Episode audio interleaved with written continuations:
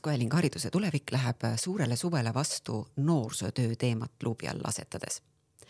see on valdkond, millest me kõik oleme kuulnud, aga mille sisu jääb paljudele,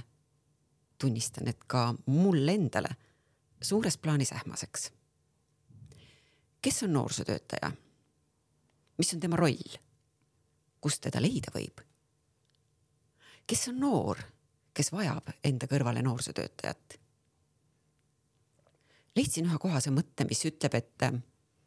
noortele jutlustatakse, peetakse loenguid, neid õpetatakse, manitsetakse ja nõustatakse. kuid harva, väga harva nendega räägitakse. kas noorsootöötaja on see, kes kannab kuulajaid kõrvu? loodan õige pea neile küsimustele vastused saada kogenenumate abiga. Minu ja loodetavasti ka teie silmi noorsootöö probleemide ja ideaalide osas aitavad avada Riin Tamm, Haridus- ja Teadusministeeriumi noorte ja andepoliitika osakonna juhataja, Janne Loo, Haridus- ja Noorteameti noortevaldkonna seire ja kvaliteedivaldkonna peaekspert. ja maastikult olen kaasa või hoopis vastu kajama palunud Heili Griffiti kes on Eesti Noorsootöötajate Kogu tegevjuht. Mina ise olen Haridus- ja Teadusministeeriumi taskuhäälingu Hariduse tulevik toimetaja Iiris Saluri. aga enne veel, kui me teema sisusse sukeldume, uurin tänaste vestluskaaslaste teekonda, teie kõigi sidet ja suhet noorsootöö teemaga. kuidas te olete tänasesse punkti jõudnud? Heili. tere mina jõudsin noorsootöösse umbes kakskümmend aastat tagasi, et kui ma, tegelikult pikemat aega tagasi, et kui ma ise veel olin noor ja tegelikult läbi kiriku noorsootöö, et, et väga tihti, kui me räägime noorsootööst, siis me äh, sellisest äh, religioossest noorsootööst võib-olla väga palju ei räägi, aga kirikutes tehakse tegelikult ka väga palju noortetööd, et et samamoodi toimuvad tegevused, laagrid ähm,, iganädalased kohtumised noortele, et, et selle kaudu Äh, ja peale gümnaasiumi läksin aastaks ka Inglismaale, kus äh, olin vabatahtlik ja kui siis seal ka koolide kõrvalt sattusin äh, vabatahtlikuks noortekeskustesse, nagu me täna siin Eestis teame, et millised need on, siis tegelikult ma ei teadnud, et see on noorsootöö või et see on nagu selline noortekeskus, et ka meil Eestis on sellised asjad, sellised kohad olemas. ja kui ma tulin Inglismaalt tagasi, siis enne kui ma ülikooli veel läksin, töötasin ka ühes sellises äh, lastepäevakeskuses, kus rohkem küll käisid sellised lapsed, kellel võib-olla kodus seda hoolt nii palju ei olnud, et kes kodus süüa ei saanud, kus, kellel vanemaid kodus ei olnud, et siis äh, oli selline tugi. ja siis sealt äh, edasi kuidagi minu jaoks tundus selline loogiline jätk, et minna õppima sotsiaaltööd, sest sotsiaaltööd me kõik teame, mis see on, samamoodi nagu me teame, mida teevad õpe, õpetajad. Äh, aga noorsootööd ma isegi ei teadnud, et tegelikult Eestis on seda võimalik õppida, et minu esimene haridus on siis sotsiaaltöö valdkonnas ja tegelikult siis ka ikkagi jätkuvalt läbi kiriku noorsootöö, läbi kirikus sellise aktiivse noorena äh, jäin ma silma Tallinna linnavalitsuse ees, kus ka me ju saime oma projektidele rahastust, just noorte projektidele. Äh, ja sealt edasi läksin siis tööle Tallinna Spordi- ja Noorsooametisse. vahepeal käisin jälle Inglismaal, töötasin pagulastega ja kui Eestisse tagasi tulin, siis sain oma oma lapsed siin ja peale seda siis äh, jõudsingi otsapidi Eesti Noorsootöötajate Kogusse tööle ja sa ka siis väikeste laste kõrvalt äh, õppisin magistris noorsootöö korraldust. et nüüd jah, neli aastat hiljem siis äh, peale seda, kui ma selle töökoha vastu võtsin, olen siin ja seisan siis meie noorsootöötajate ja noortevaldkonna eest siis maastikul, nagu te ütlesite. väga muljetavaldav taust mis teil vastu panna on äh, tere, mina mm. olen siis jah, Janne äh, ja hetkel töötan Haridus- ja Noorteametis noorteseire peaeksperdina. Äh, minu esmased kokkupuuted noorsootöötaja või noorsootööga olid ka juba lapsepõlves, kus ma olin siis üpriski aktiivne noor. Ähm, koolilehega toimetasin, kodutütar olin ja käisin mitmes huviringis. Äh, sel ajal ma muidugi absoluutselt ei teadnud, et tegemist on noorsootööga, et kuna ma elasin ka maapiirkonnas, et siis äh, meil ei olnud seal näiteks noortekeskust ja ja tegelikkuses selline teadlik äh, noorte valdkonda sisenemine toimuski alles siis, kui ma avastasin enda jaoks, siis äh, tol ajal oli Tallinna pedagoogiline seminar ja noorsootöö õppekava ja ma läksin äh, seda õppima ja siis kohe sain siis tööle ka Tartusse Anne Noortekeskusesse noorsootöötajaks kus mul väga vedas oma meeskonnaga, et nad olid väga toetavad. ma õppisin nendelt meeletult palju ja siis õige pea sain siis sellesama noortekeskuse juhatajaks. töötasin mitu aastat ka sellel ametikohal ja siis sattusin kooli huvijuhiks. kooli ma tahtsin minna sellepärast, et et, saada sellist äh, teistsugust vaadet ja natuke nagu näha seda poolt, et miks on nii keeruline siis äh, äh nii-öelda noorsootöö ja kooli vaheline koostöö ja siis, kui ma seal koolis huvijuhina töötasin, läksin ka noorsootööd magistrisse õppima. et nüüdseks olen siis äh, läbinud ka see, selle õpingu ja jõudnud jah, siis tõesti Haridus- ja Noorteametisse aitäh. Riin, sina paned punkti sellele ringile, millega?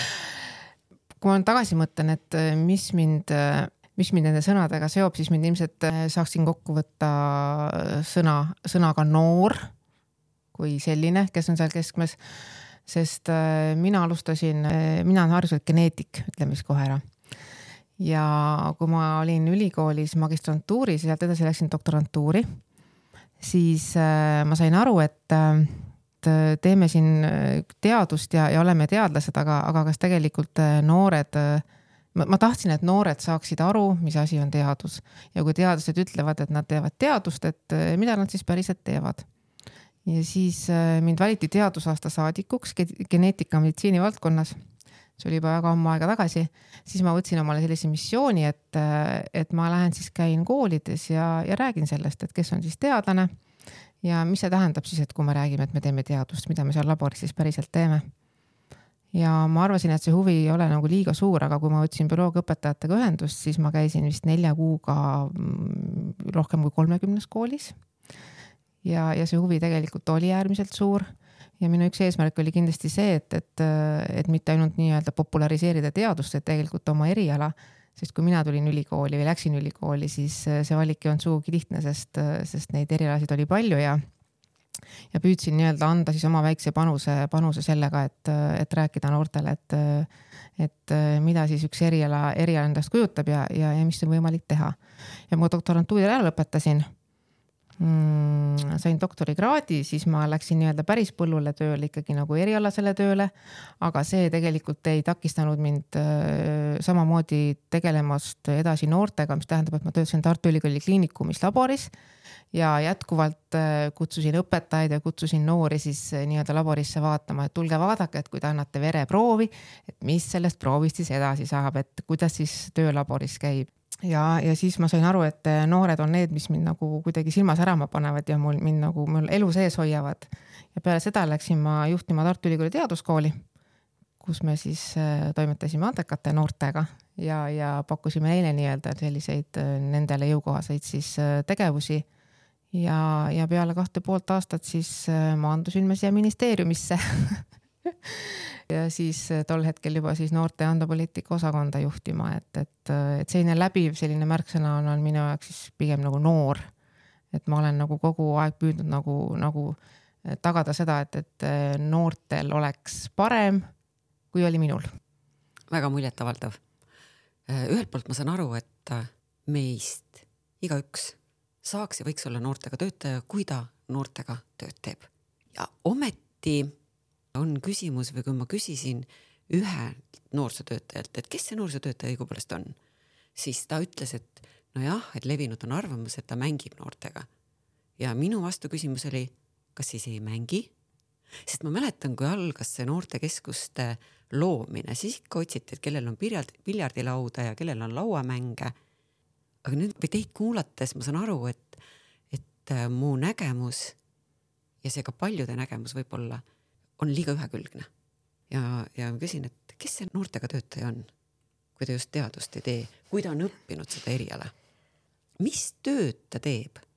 noortega, kas ongi rääkija, kas ongi kuulajate kõrve, kõrvedega inimene?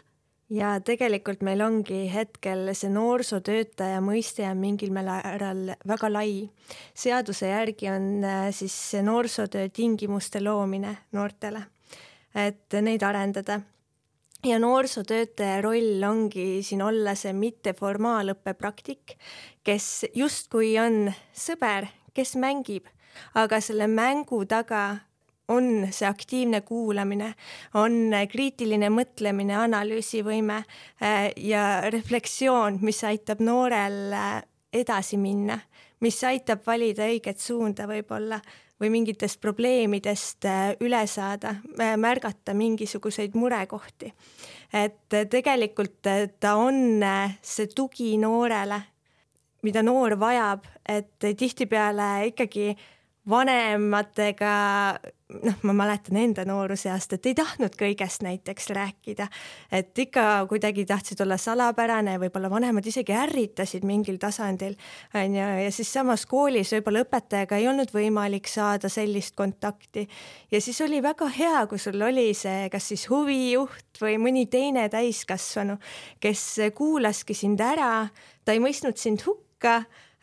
ta oli väga laia maailmavaatega ja ja ta lihtsalt kuulas ja oli sinu jaoks olemas. võib-olla okay. täiendaksin ka, et, et see noorsootöötaja roll, et seda ongi nagu ühe lausega väga keeruline öelda, et mis see roll on, sellepärast et noorsootöös me lähtume noorest ja tema huvidest, tema vajadustest ja kui me mõtleme, et iga noor on individuaalne, tal on individuaalsed vajadused, soovid, huvid, et siis tegelikult see noorsootöötaja peabki hästi kohanema ja sellel noore ümber siis kuidagi ennast nagu kohandama, et, et meil on noored, eks, kes võib-olla vajavadki rohkem sellist äh, sotsiaaltöötaja tuge või sellist, et kes võib-olla hoiabki nagu käest kinni ja ütleb, et noh, et kas sa kooli nüüd läksid ikka, kas sa käisid koolis või kas sa käid äh, ilusti koolis ja tundides ja kuidas sul selle õpetajaga läheb, et võib-olla rohkem selline roll, selline tõesti selline, kes äh, võtab natukene sellise vanema õe või venna rolli aga siis on meil ka sellised noored, kellel võib-olla ei ole kooliga mingisuguseid äh, probleeme, kes võib-olla on hästi sellised äh, aktiivsed, nagu Janne siin mainis, et õpilasesinduses ja koolilehes, et võib-olla, kes tahavad oma kogukonna jaoks midagi korda saata, kellel ei ole äh, kodus neid võib-olla vanematega muresid, et kellel on just vaja sellist, et okei okay,, et ma tahan midagi meie kogukonna jaoks ära teha, aga ma ei tea, kust alustada, et ma tahan projekti kirjutada, aga ma ei oska. et siis noorsootöötaja roll on seal just jälle olla see selline äh, Äh, juhendaja, kes siis äh, aitab läbi mõelda, et mis selle projekti eesmärk on ja, ja mis selle projektiga saavutada tahetakse, et et võib-olla sellepärast ongi ka väga raske sellest rollist rääkida, sest et, et võib-olla lihtsam on jah, me teame, et mis on õpetaja roll koolis, et, et lisaks äh, jah, oma aine õpetamisele võib-olla on seal ka kõik see selline kuuleka kodaniku kasvatamine, aga tegelikult noorsootöös neid rolle on tõesti hästi palju ja ka minu magistritöö tegelikult keskenduski ka sellele, et mis on noorsootöötaja roll ja tõesti, need, need on seinast seina, et ongi, et, et vahest noorsootöötajad tunnevadki, et olengi see ema, kes äh, annab laps, sellele noorele süüa, kui ta tuleb noortekeskuse uksest sisse, sest ta ei ole söönud midagi mm. -hmm ja teisest küljest oled see jõustaja, kes, kes tõesti peabki äh, mõtlema, et okei okay,, noorel on see hull projekti idee, kuidas ma nüüd aitan seda teostada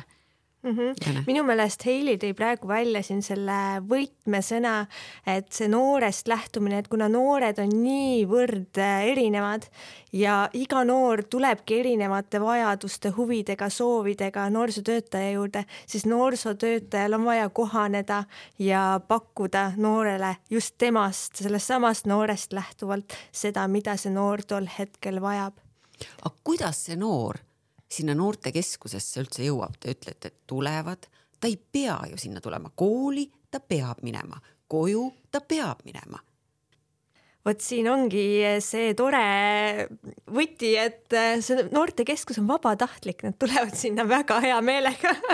sinna ta tahab minna. sinna ta tahab ta tulla ja täpselt, et kuna seal tegelikult on loodud äh, noortest äh, lähtuvalt, nende huvidest lähtuvalt mõnus keskkond, kus võib-olla ongi seesama piljardilaud, kus võib-olla isegi on mingisugused mängud, tema sõbrad on seal, tal on võimalik seal eakaaslastega suhelda, see on turvaline keskkond, see on soe, seal saab süüa, kõik need, mis on noortele nagu ülimalt olulised, et kes kunagi noortekeskuses on käinud, siis eh, ka nendes peredes, kus lapsed saavad väga hästi süüa, siis miskipärast on toit alati see, mis tõmbab kõik noored kohale. et eh, ja noored tahavad seal käia ja tegelikkuses eh, ju koolides Äh,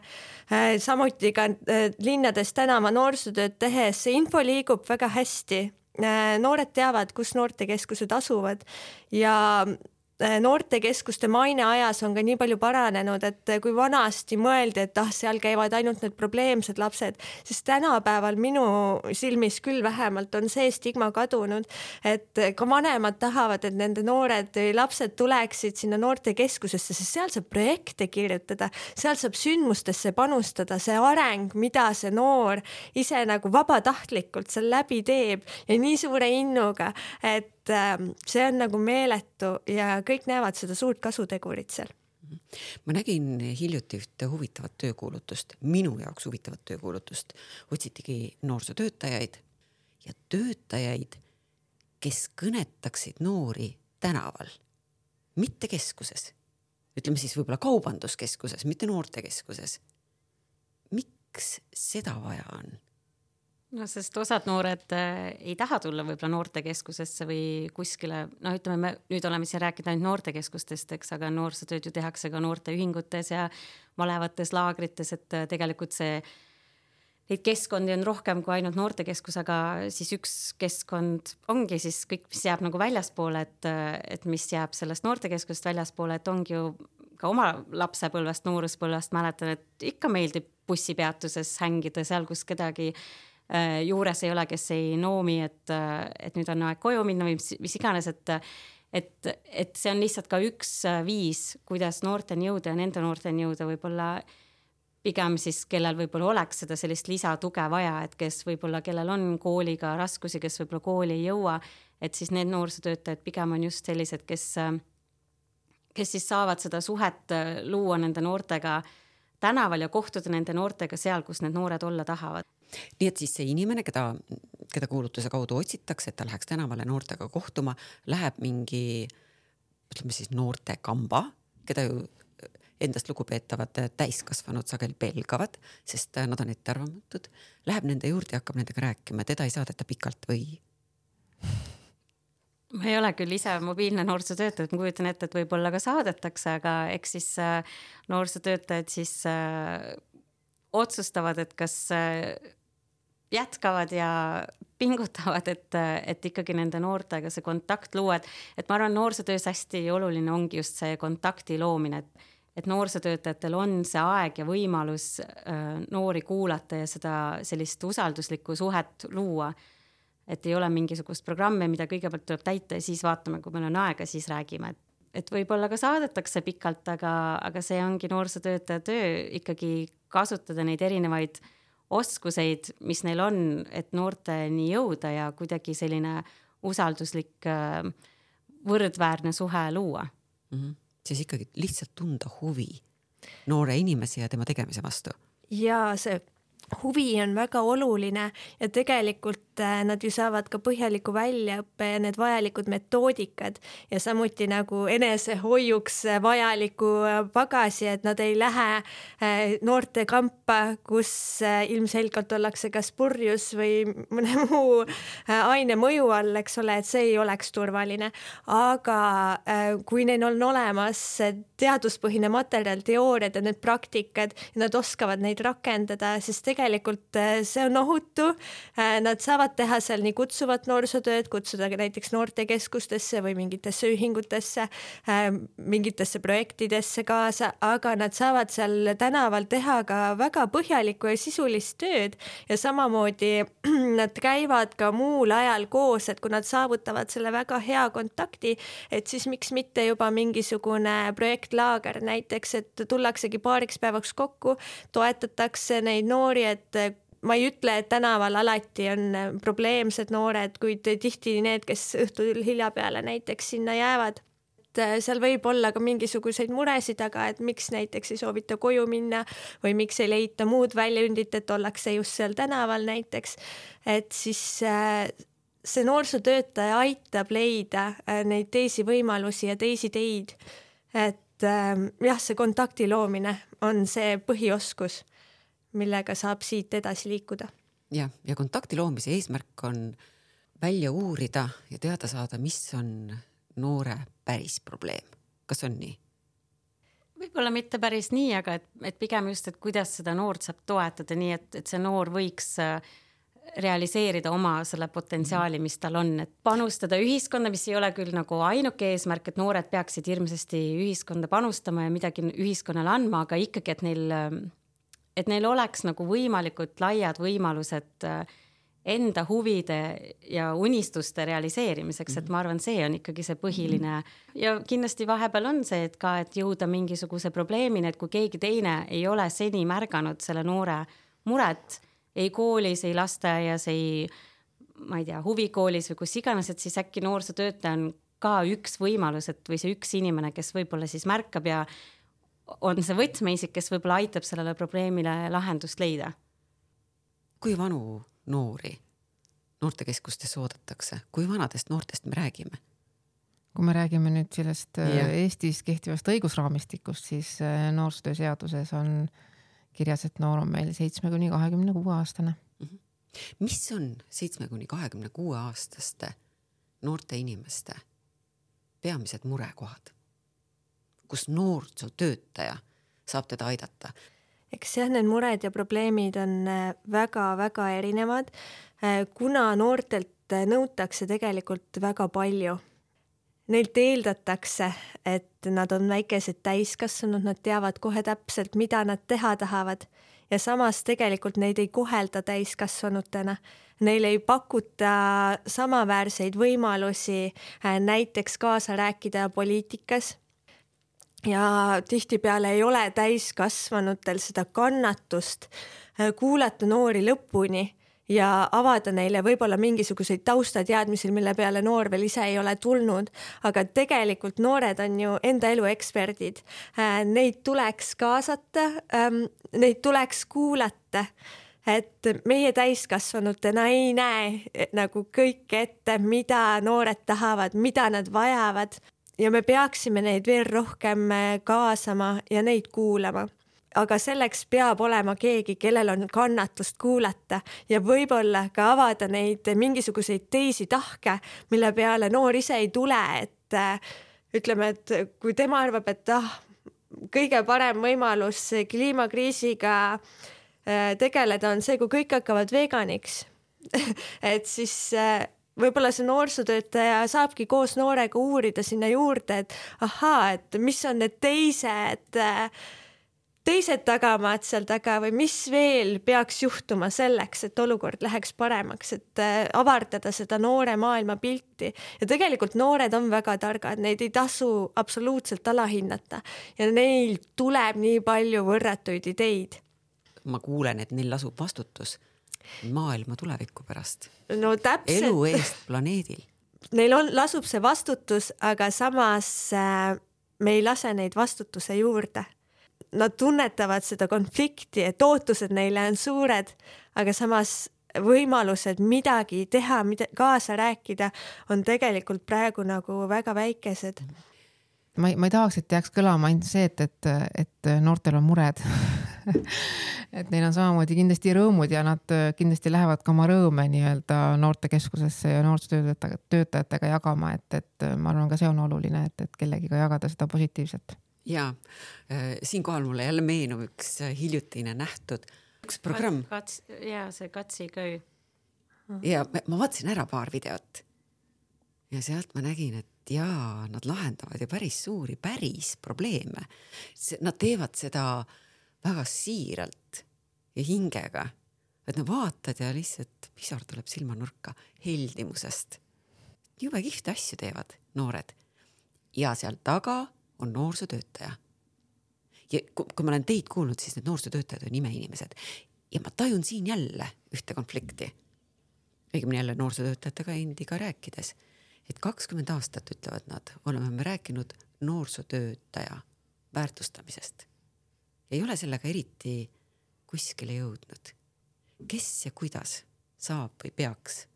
noorsootöötajat, kellel on kõrvad, et kuulata meie noorte muresid ja aidata kaasa nende rõõmudele. kes ja kuidas peaks sellist inimest väärtustama? miks nad tunnevad, et neid ei ole väärtustatud? ma võin eh, siinkohal natuke avada tausta enda magistritööst, et nimelt eh, mina siis uurisin eh, noorsootöötaja professionaalse identiteedi kujunemist ja minu magistritööst tuli välja see, et selleks, et siis ükskõik mis ametialal tegelikult oleks tagatud tööõnn, on vaja hügieeni ja motivatsioonifaktoreid. hügieenifaktoriteks ongi siis palk, töötingimused, töökultuur, suhted, juhtimise kvaliteet ja motivatsioonifaktoriteks on siis ähm, eduelamused, et mis meil veel on murekohaks, on näiteks noh, maapiirkondades eriti, kui on noorsootöötaja, kes töötab üksinda, ta peab olema seesama hunt kriimsilm, kes täidab kõiki rolle äh, selleks, et see noorsootöö jääks püsima ja ta on ainus inimene nende noorte jaoks seal noorsootöötaja rollis. ta ei saa ennast koolitada, ta on kinni aheldatud sinna, ta võib-olla peab seal kütma ruume, koristama, tegema kõike muud, otsima endal rahastust pidevalt, kirjutama projekte selleks, et mingeid tegevusi ellu viia, et see tegelikult ei ole jätkusuutlik. ja kui see palk on ka sealjuures niru, et siis millest me räägime, eks ole, et tõesti, meil on vaja neid hügieeni ja motivatsioonifaktoreid selleks, et inimene üldse tahaks mingisugusesse valdkonnas töötada, olla õnnelik, seda õppida, ennast arendada äh, selles vallas ja kujuneda tõeliseks professionaaliks, sest tegelikult äh, ka ootused noorsootöötajatele on ajas meeletult kasvanud. ka meie noored ootavad professionaalset noorsootööd ja eelkõige mina näen, et see võtmeroll on siin ehk kohalikul omavalitsusel, kes siis tegelikult äh, Äh, saaks enda omavalitsuses äh, tagada selle, et need noorsootöötajad oleks äh, väärtustatud, et neile pöörataks tähelepanu ja et need võimalused nii noortele ja noorsootöötajatele oleks loodud, sest noh, kui ta loob võimalused noorsootöötajale oma tööd hästi teha, siis on ka tegelikult noortel juba mitmeid võimalusi, mis läbi selle noorsootöötaja tuleb, et. ja, aga ma tahan Heili käest küsida, kes on valdkonna vedaja noorsootöötajad on, ma vaatan hiljutine uuring, enamus kõrgharidusega inimesed. mis teie ühingu poolt nagu kõige suuremaks probleemiks on või kust king kõige enam pigistab? jah, ma arvan, et valdkonnas selles mõttes meil on, äh, läheb nagu aina paremaks, et meil on võimalik nüüd ka noorsootööd magistri tasemel õppida ja neid inimesi, kes äh, tõesti on äh, kõrghariduse, just äh, erialase kõrghariduse saanud, äh, tekib aina juurde. et äh, sellega kindlasti meie valdkond professionaliseerub ja on rohkem neid inimesi, kes võtavad sõna ja kes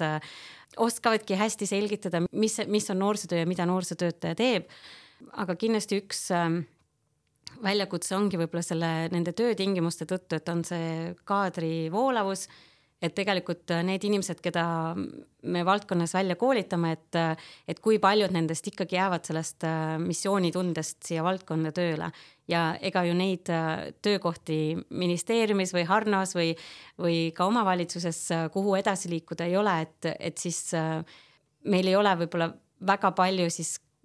ka pakkuda nendele noorsootöötajatele, kes võib-olla on sellised äh, võimekamad, tublimad, hakkajamad, kes tahavad äh, seda valdkonda arendada, kes võib-olla tahavad ka oma äh, noortekeskust või oma noorteühingut arendada, aga ikkagi seal tekivad, tulevad need piirid ette just ka võib-olla selle palga küsimuses, et. Riin, ma, ma, ma siiski tahan nüüd, nüüd anda Riinule sõna. sa oled nüüd kuulnud, tajud vastutuse suurust, kärpekäärid ähvardavad meid kõiki praegu mida ministeeriumi vaates teha saab, kuidas ministeeriumi vaates noorsootöötajaid toetada, aidata ja tunnustada saab, kas saab? loomulikult saab, me saame tegelikult väga-väga palju ära teha ja, ja need mõningad või paljud asjad võib-olla ei nõuagi nii palju kui otseselt nagu rahalist ressurssi, vaid ka väga suuresti tahaks öelda mõttemaailma muutust. Tegelikult Heili ka väga hästi juba mitmeid asju tegelikult välja tõi. et nagu sa ütlesid ka, et kakskümmend aastat ei ole nagu justkui midagi valdkonnas toimunud, siis äh, mina oma kahe ja poole aastase ministeeriumi kogemusega tahaks öelda, et me oleme juba nii palju asju alustanud, et tegelikult, et seda laevanina selles mõttes muuta, et et alustame sellest, et tegelikult ära, võib-olla kõlab halvasti, aga siiski nagu defineerida, et kes see noorsootöötaja siis on ja millist väärtust ta tegelikult selles noore ökosüsteemis pakub. kelle et jaoks me, te seda defineerite? me defineerime seda tegelikult üldsuse jaoks et inimesed nagu, et see, et, et kes peaks väärtustama, kes peaks tunnustama, peaksime kõigepealt aru saama ühiskonnana, kes need inimesed meie keskel on ja millist väärtust nad noorte, noortele pakuvad ja noorte elus mängivad. et ma tahaks tuua seda noort inimest sinna keskele ja tekitada tema ümber siis selle nii-öelda ökosüsteemi, kuhu kuuluvad siis need üldhariduskooli õpetajad, huvikooli õpetajad, noorsootöötajad ja tegelikult selline omavaheline tunnustus ja omavaheline koostöö on tegelikult väga suuresti selle aluseks, et kõik tajuvad väga selgesti oma rolli ja tegelikult ka seda oma panust, et mis on just neil nagu nii-öelda sellele noorele anda et meil on väga-väga pikk tee minna, et tegelikult selline ökosüsteem nende erinevate osapoolte vahel tekiks ja ka, et lapsevanemad oleksid sealjuures, kes saaksid aru, et millist väärtust tegelikult äh, see noorele pakub, et noor käib siis koolis, noortekeskuses, huvikoolis ja nii edasi. Et ma arvan, et siin tuleb väga palju ka ministeeriumi tasandil, selles mõttes me peame omavahel kokku leppima või ma ütleks, et meil ministeeriumi sees tegelikult praegu ma näen, et see koostöö on ka osakondade vahel väga hea, et me saame ise eeskuju näidata. et tegelikult me teeme omavahel koostööd, mis võiks kanduda edasi siis kohaliku omavalitsuse tasandile, et seal nii-öelda need spetsialistid siis kas nad siis vastutavad, reeglina nad ei pruugi olla sama inimene, kes siis noorsootöö ja hariduse eest vastutab, et ka need hakkaksid nii-öelda omavahel rohkem koostööd tegema. et siin on hästi palju vaja teha tegelikult sellist eh, mõttemaailma muutusega tegeleda ja seda me kindlasti teeme. aga loomulikult seesama, see, see uuring andis ju noh, me oli kogu aeg muidu oli selge, et tunnetame, et noh, et palk on väike ja seda ei teha, toda ei teha. aga mul on väga hea meel, et see uuring on, sest nüüd on meil ikkagi nii-öelda paberi peal näidata, et vaadake, et nagu päriselt ongi nii, et keegi lihtsalt ei, ei ole, see ei ole enam kellegi tunnetus, vaid see on nagu reaalne elu, mis meile tegelikult siit vastu vaatab. et, et ma arvangi, et kõige, kõigepealt see, et see arusaam kes on noorsootöötaja, mis on tema roll, millised on tema tegelikult sellised nagu eripärad või oskused, kui ma nagu olen alati mõelnud ka natuke võib-olla sellist paralleeli haridusvaldkonnaga, et seal on nagu õpetajad, siis tegelikult seal on, ma ei tea, e-, tugispetsialistid ja logopeedid ja kõigil on nagu väga oma nagu eriroll tegelikult seal noore elus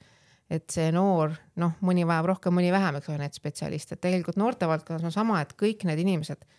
ütleme siis lisaks veel haridusvaldkond juurde, et neil kõigil on väga oma roll selle noorega, aga see, et see arusaamine tekiks, sinna on, sellega on vaja tegeleda ja ma arvan, et see on nagu baas. kui me nagu sealt saame nagu juba nagu need asjad nagu liikuma, siis ma usun, et tegelikult saadakse aru siis ka kohalikul tasandil, mis on selle noorsootöötaja nagu nii-öelda väärtus tegelikult. ja noh, siis võiks olla nagu pigem see nõudlus suurem kui pakkumine jah tahaks sinna jõuda nõudlus suurem kui pakkumine, see tähendab, et? et äh, kohalikud omavalitsused äh, tahavad ja otsivad ja soovivad, et neil töötaksid äh, nii-öelda seal kohal, kohalikul tasandil need noorsootöötajad. see juba läheb sinna, natukene sinna väravasse, kuhu ma tahtsin teid juhtida, et milline oleks see noorsootöö tuleviku ideaal või noorsootöötaja ideaalne maailm? Kuhu poole me võiksime liikuda või kuhu poole me peaksime liikuma? no mina lihtsalt tahangi ikkagi tuua sama, mis ma ütlesin, minu arust see, see noore ümber, see, see iga noorega tegeleja on nii-öelda noore poolt väärtustatud, ühiskonna poolt väärtustatud ja tegelikult nende teiste osapoolte poolt nagu väärtustatud, et nad saavad aru, et nad töötavad ühise eesmärgi nimel, selle noore kõige võimaliku parima nagu arengutee nimel mm. -hmm. et kui noorsootöötaja tänavalt ütleb, et kakskümmend aastat me oleme rääkinud sellest, et kuidas me peame väärtustama, et siis äh, millal ta võiks jõuda sinnani, kui ma temaga jälle räägin mitme aasta pärast, ta ütleb, et tead, ma tunnen minu töö, meie töö on väärtustatud? no ma arvan, et siin me peame siis nüüd meie. kui kauge tulevik see on ma, ma ei tahaks, et see liiga, liiga kauge tulevik on ja ma loodan, et see ei ole, ma ikkagi, ma, ma tahan, ütlen, ütleks selle peale, et ma ei viitsiks hommikul voodistki välja tuua, kui mul ei oleks nagu suured nagu visioonid ja eesmärgid, kuhu ma jõuda nagu tahaks, et ma arvan, et siin on meil vaja koostööd teha esindusühingutega, võtta kohalikud omavalitsused punti ja nagu kui me seda väga jõuliselt lükkame, siis ma nüüd ei julge siin öelda, et üks, kaks või viis aastat, aga ma tahaks loota, et äh, üsna pea. Kui ma küsin Heili sinu käest noorsootöötaja ideaalmaailm, milline see on? see on väga raske küsimus, sest äh, ma arvan, et igas omavalitsuses võib-olla see on natukene eriilmeline. aga ma kujutan ette, et noorsootöötajad äh, tahaksid, et neil oleks võib-olla rohkem aega või siis ka rohkem inimesi, võib-olla kolleege, kellega seda töökoormust äh, hajutada, et, et olekski võimalik äh, nende noortega suhelda, seda suhet äh, luua, aga samal ajal, et oleks võimalik ka teha neid äh, tegevusi, projekte, ähm, mida, mida noored teha tahavad ja, ja et kuidagi, et ei oleks sellist äh, ületöötamise tunnet väikese raha eest, et, et tõesti, et see töö oleks siis ka hästi tasustatud ja,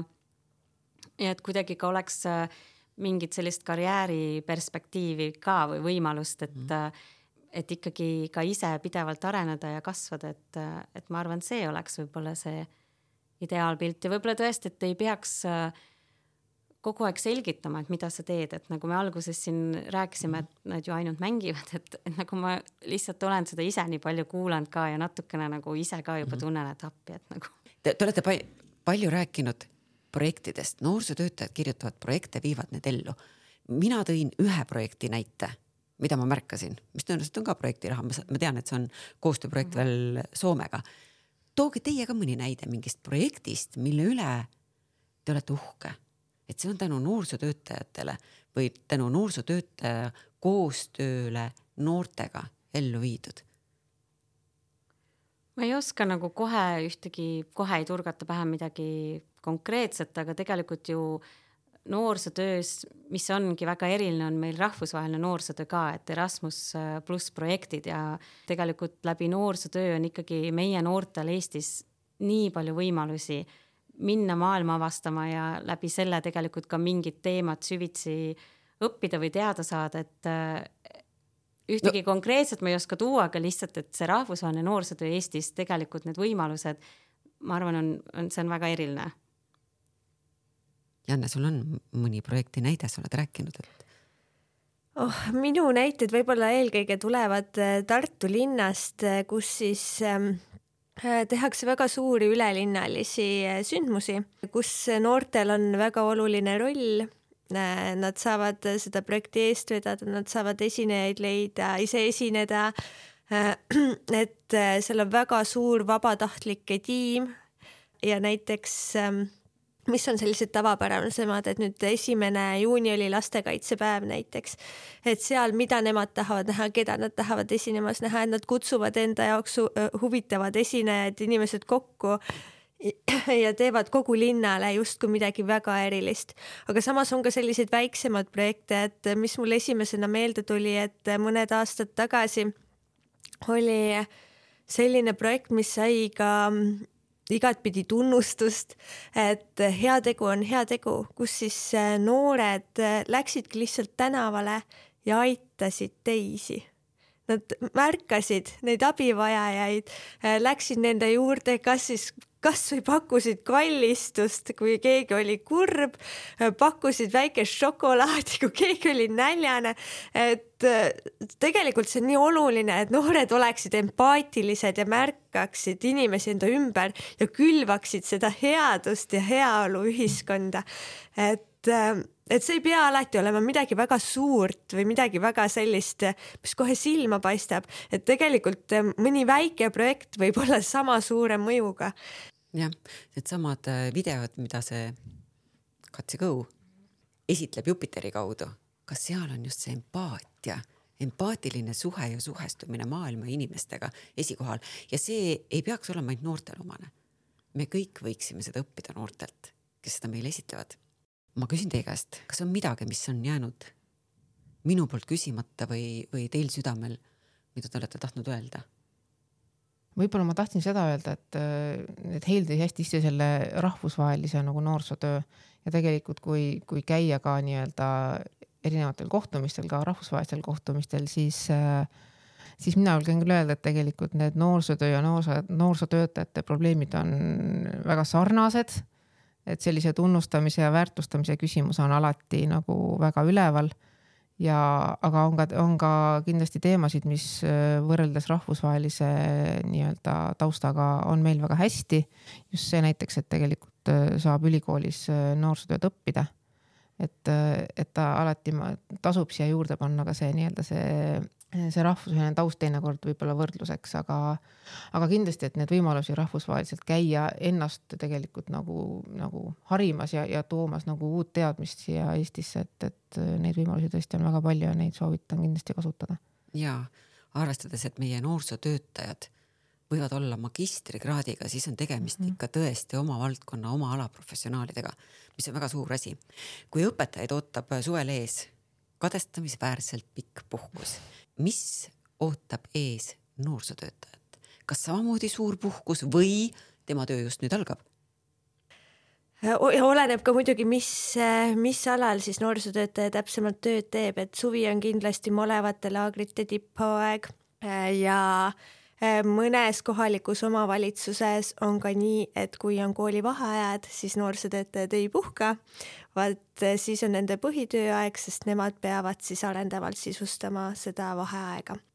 kui mina veel noortekeskuses töötasin, mis oli küll väga ammu, et siis tegelikult suved olid pigem äh, vaiksem periood. et nüüd muidugi on äh, leitud äh, uusi lahendusi, innovaatilisemaid, et näiteks Tartus on see autovabaduse puiestee, kus siis ongi terve kuu aega on need noorsootöötajad seal tänaval ja pakuvad oma teenuseid seal ja seal kindlasti on see nii-öelda noorsootöö palju kättesaadavam, et keegi ei taha minna kuuma ilmaga sinna keskusesse enam istuma, vaid tahetakse olla õues, et eh, need lähenemised on muutunud ja, ja ma loodan, et et need on ka nüüd rohkem sellised noorest lähtuvamad ja tulemuslikumad,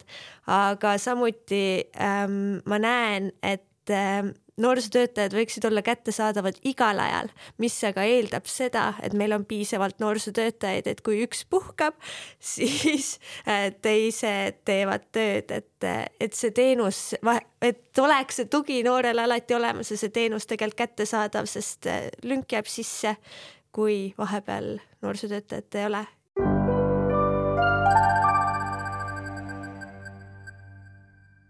ma loodan, et kuulaja, kes on meiega kaasas olnud,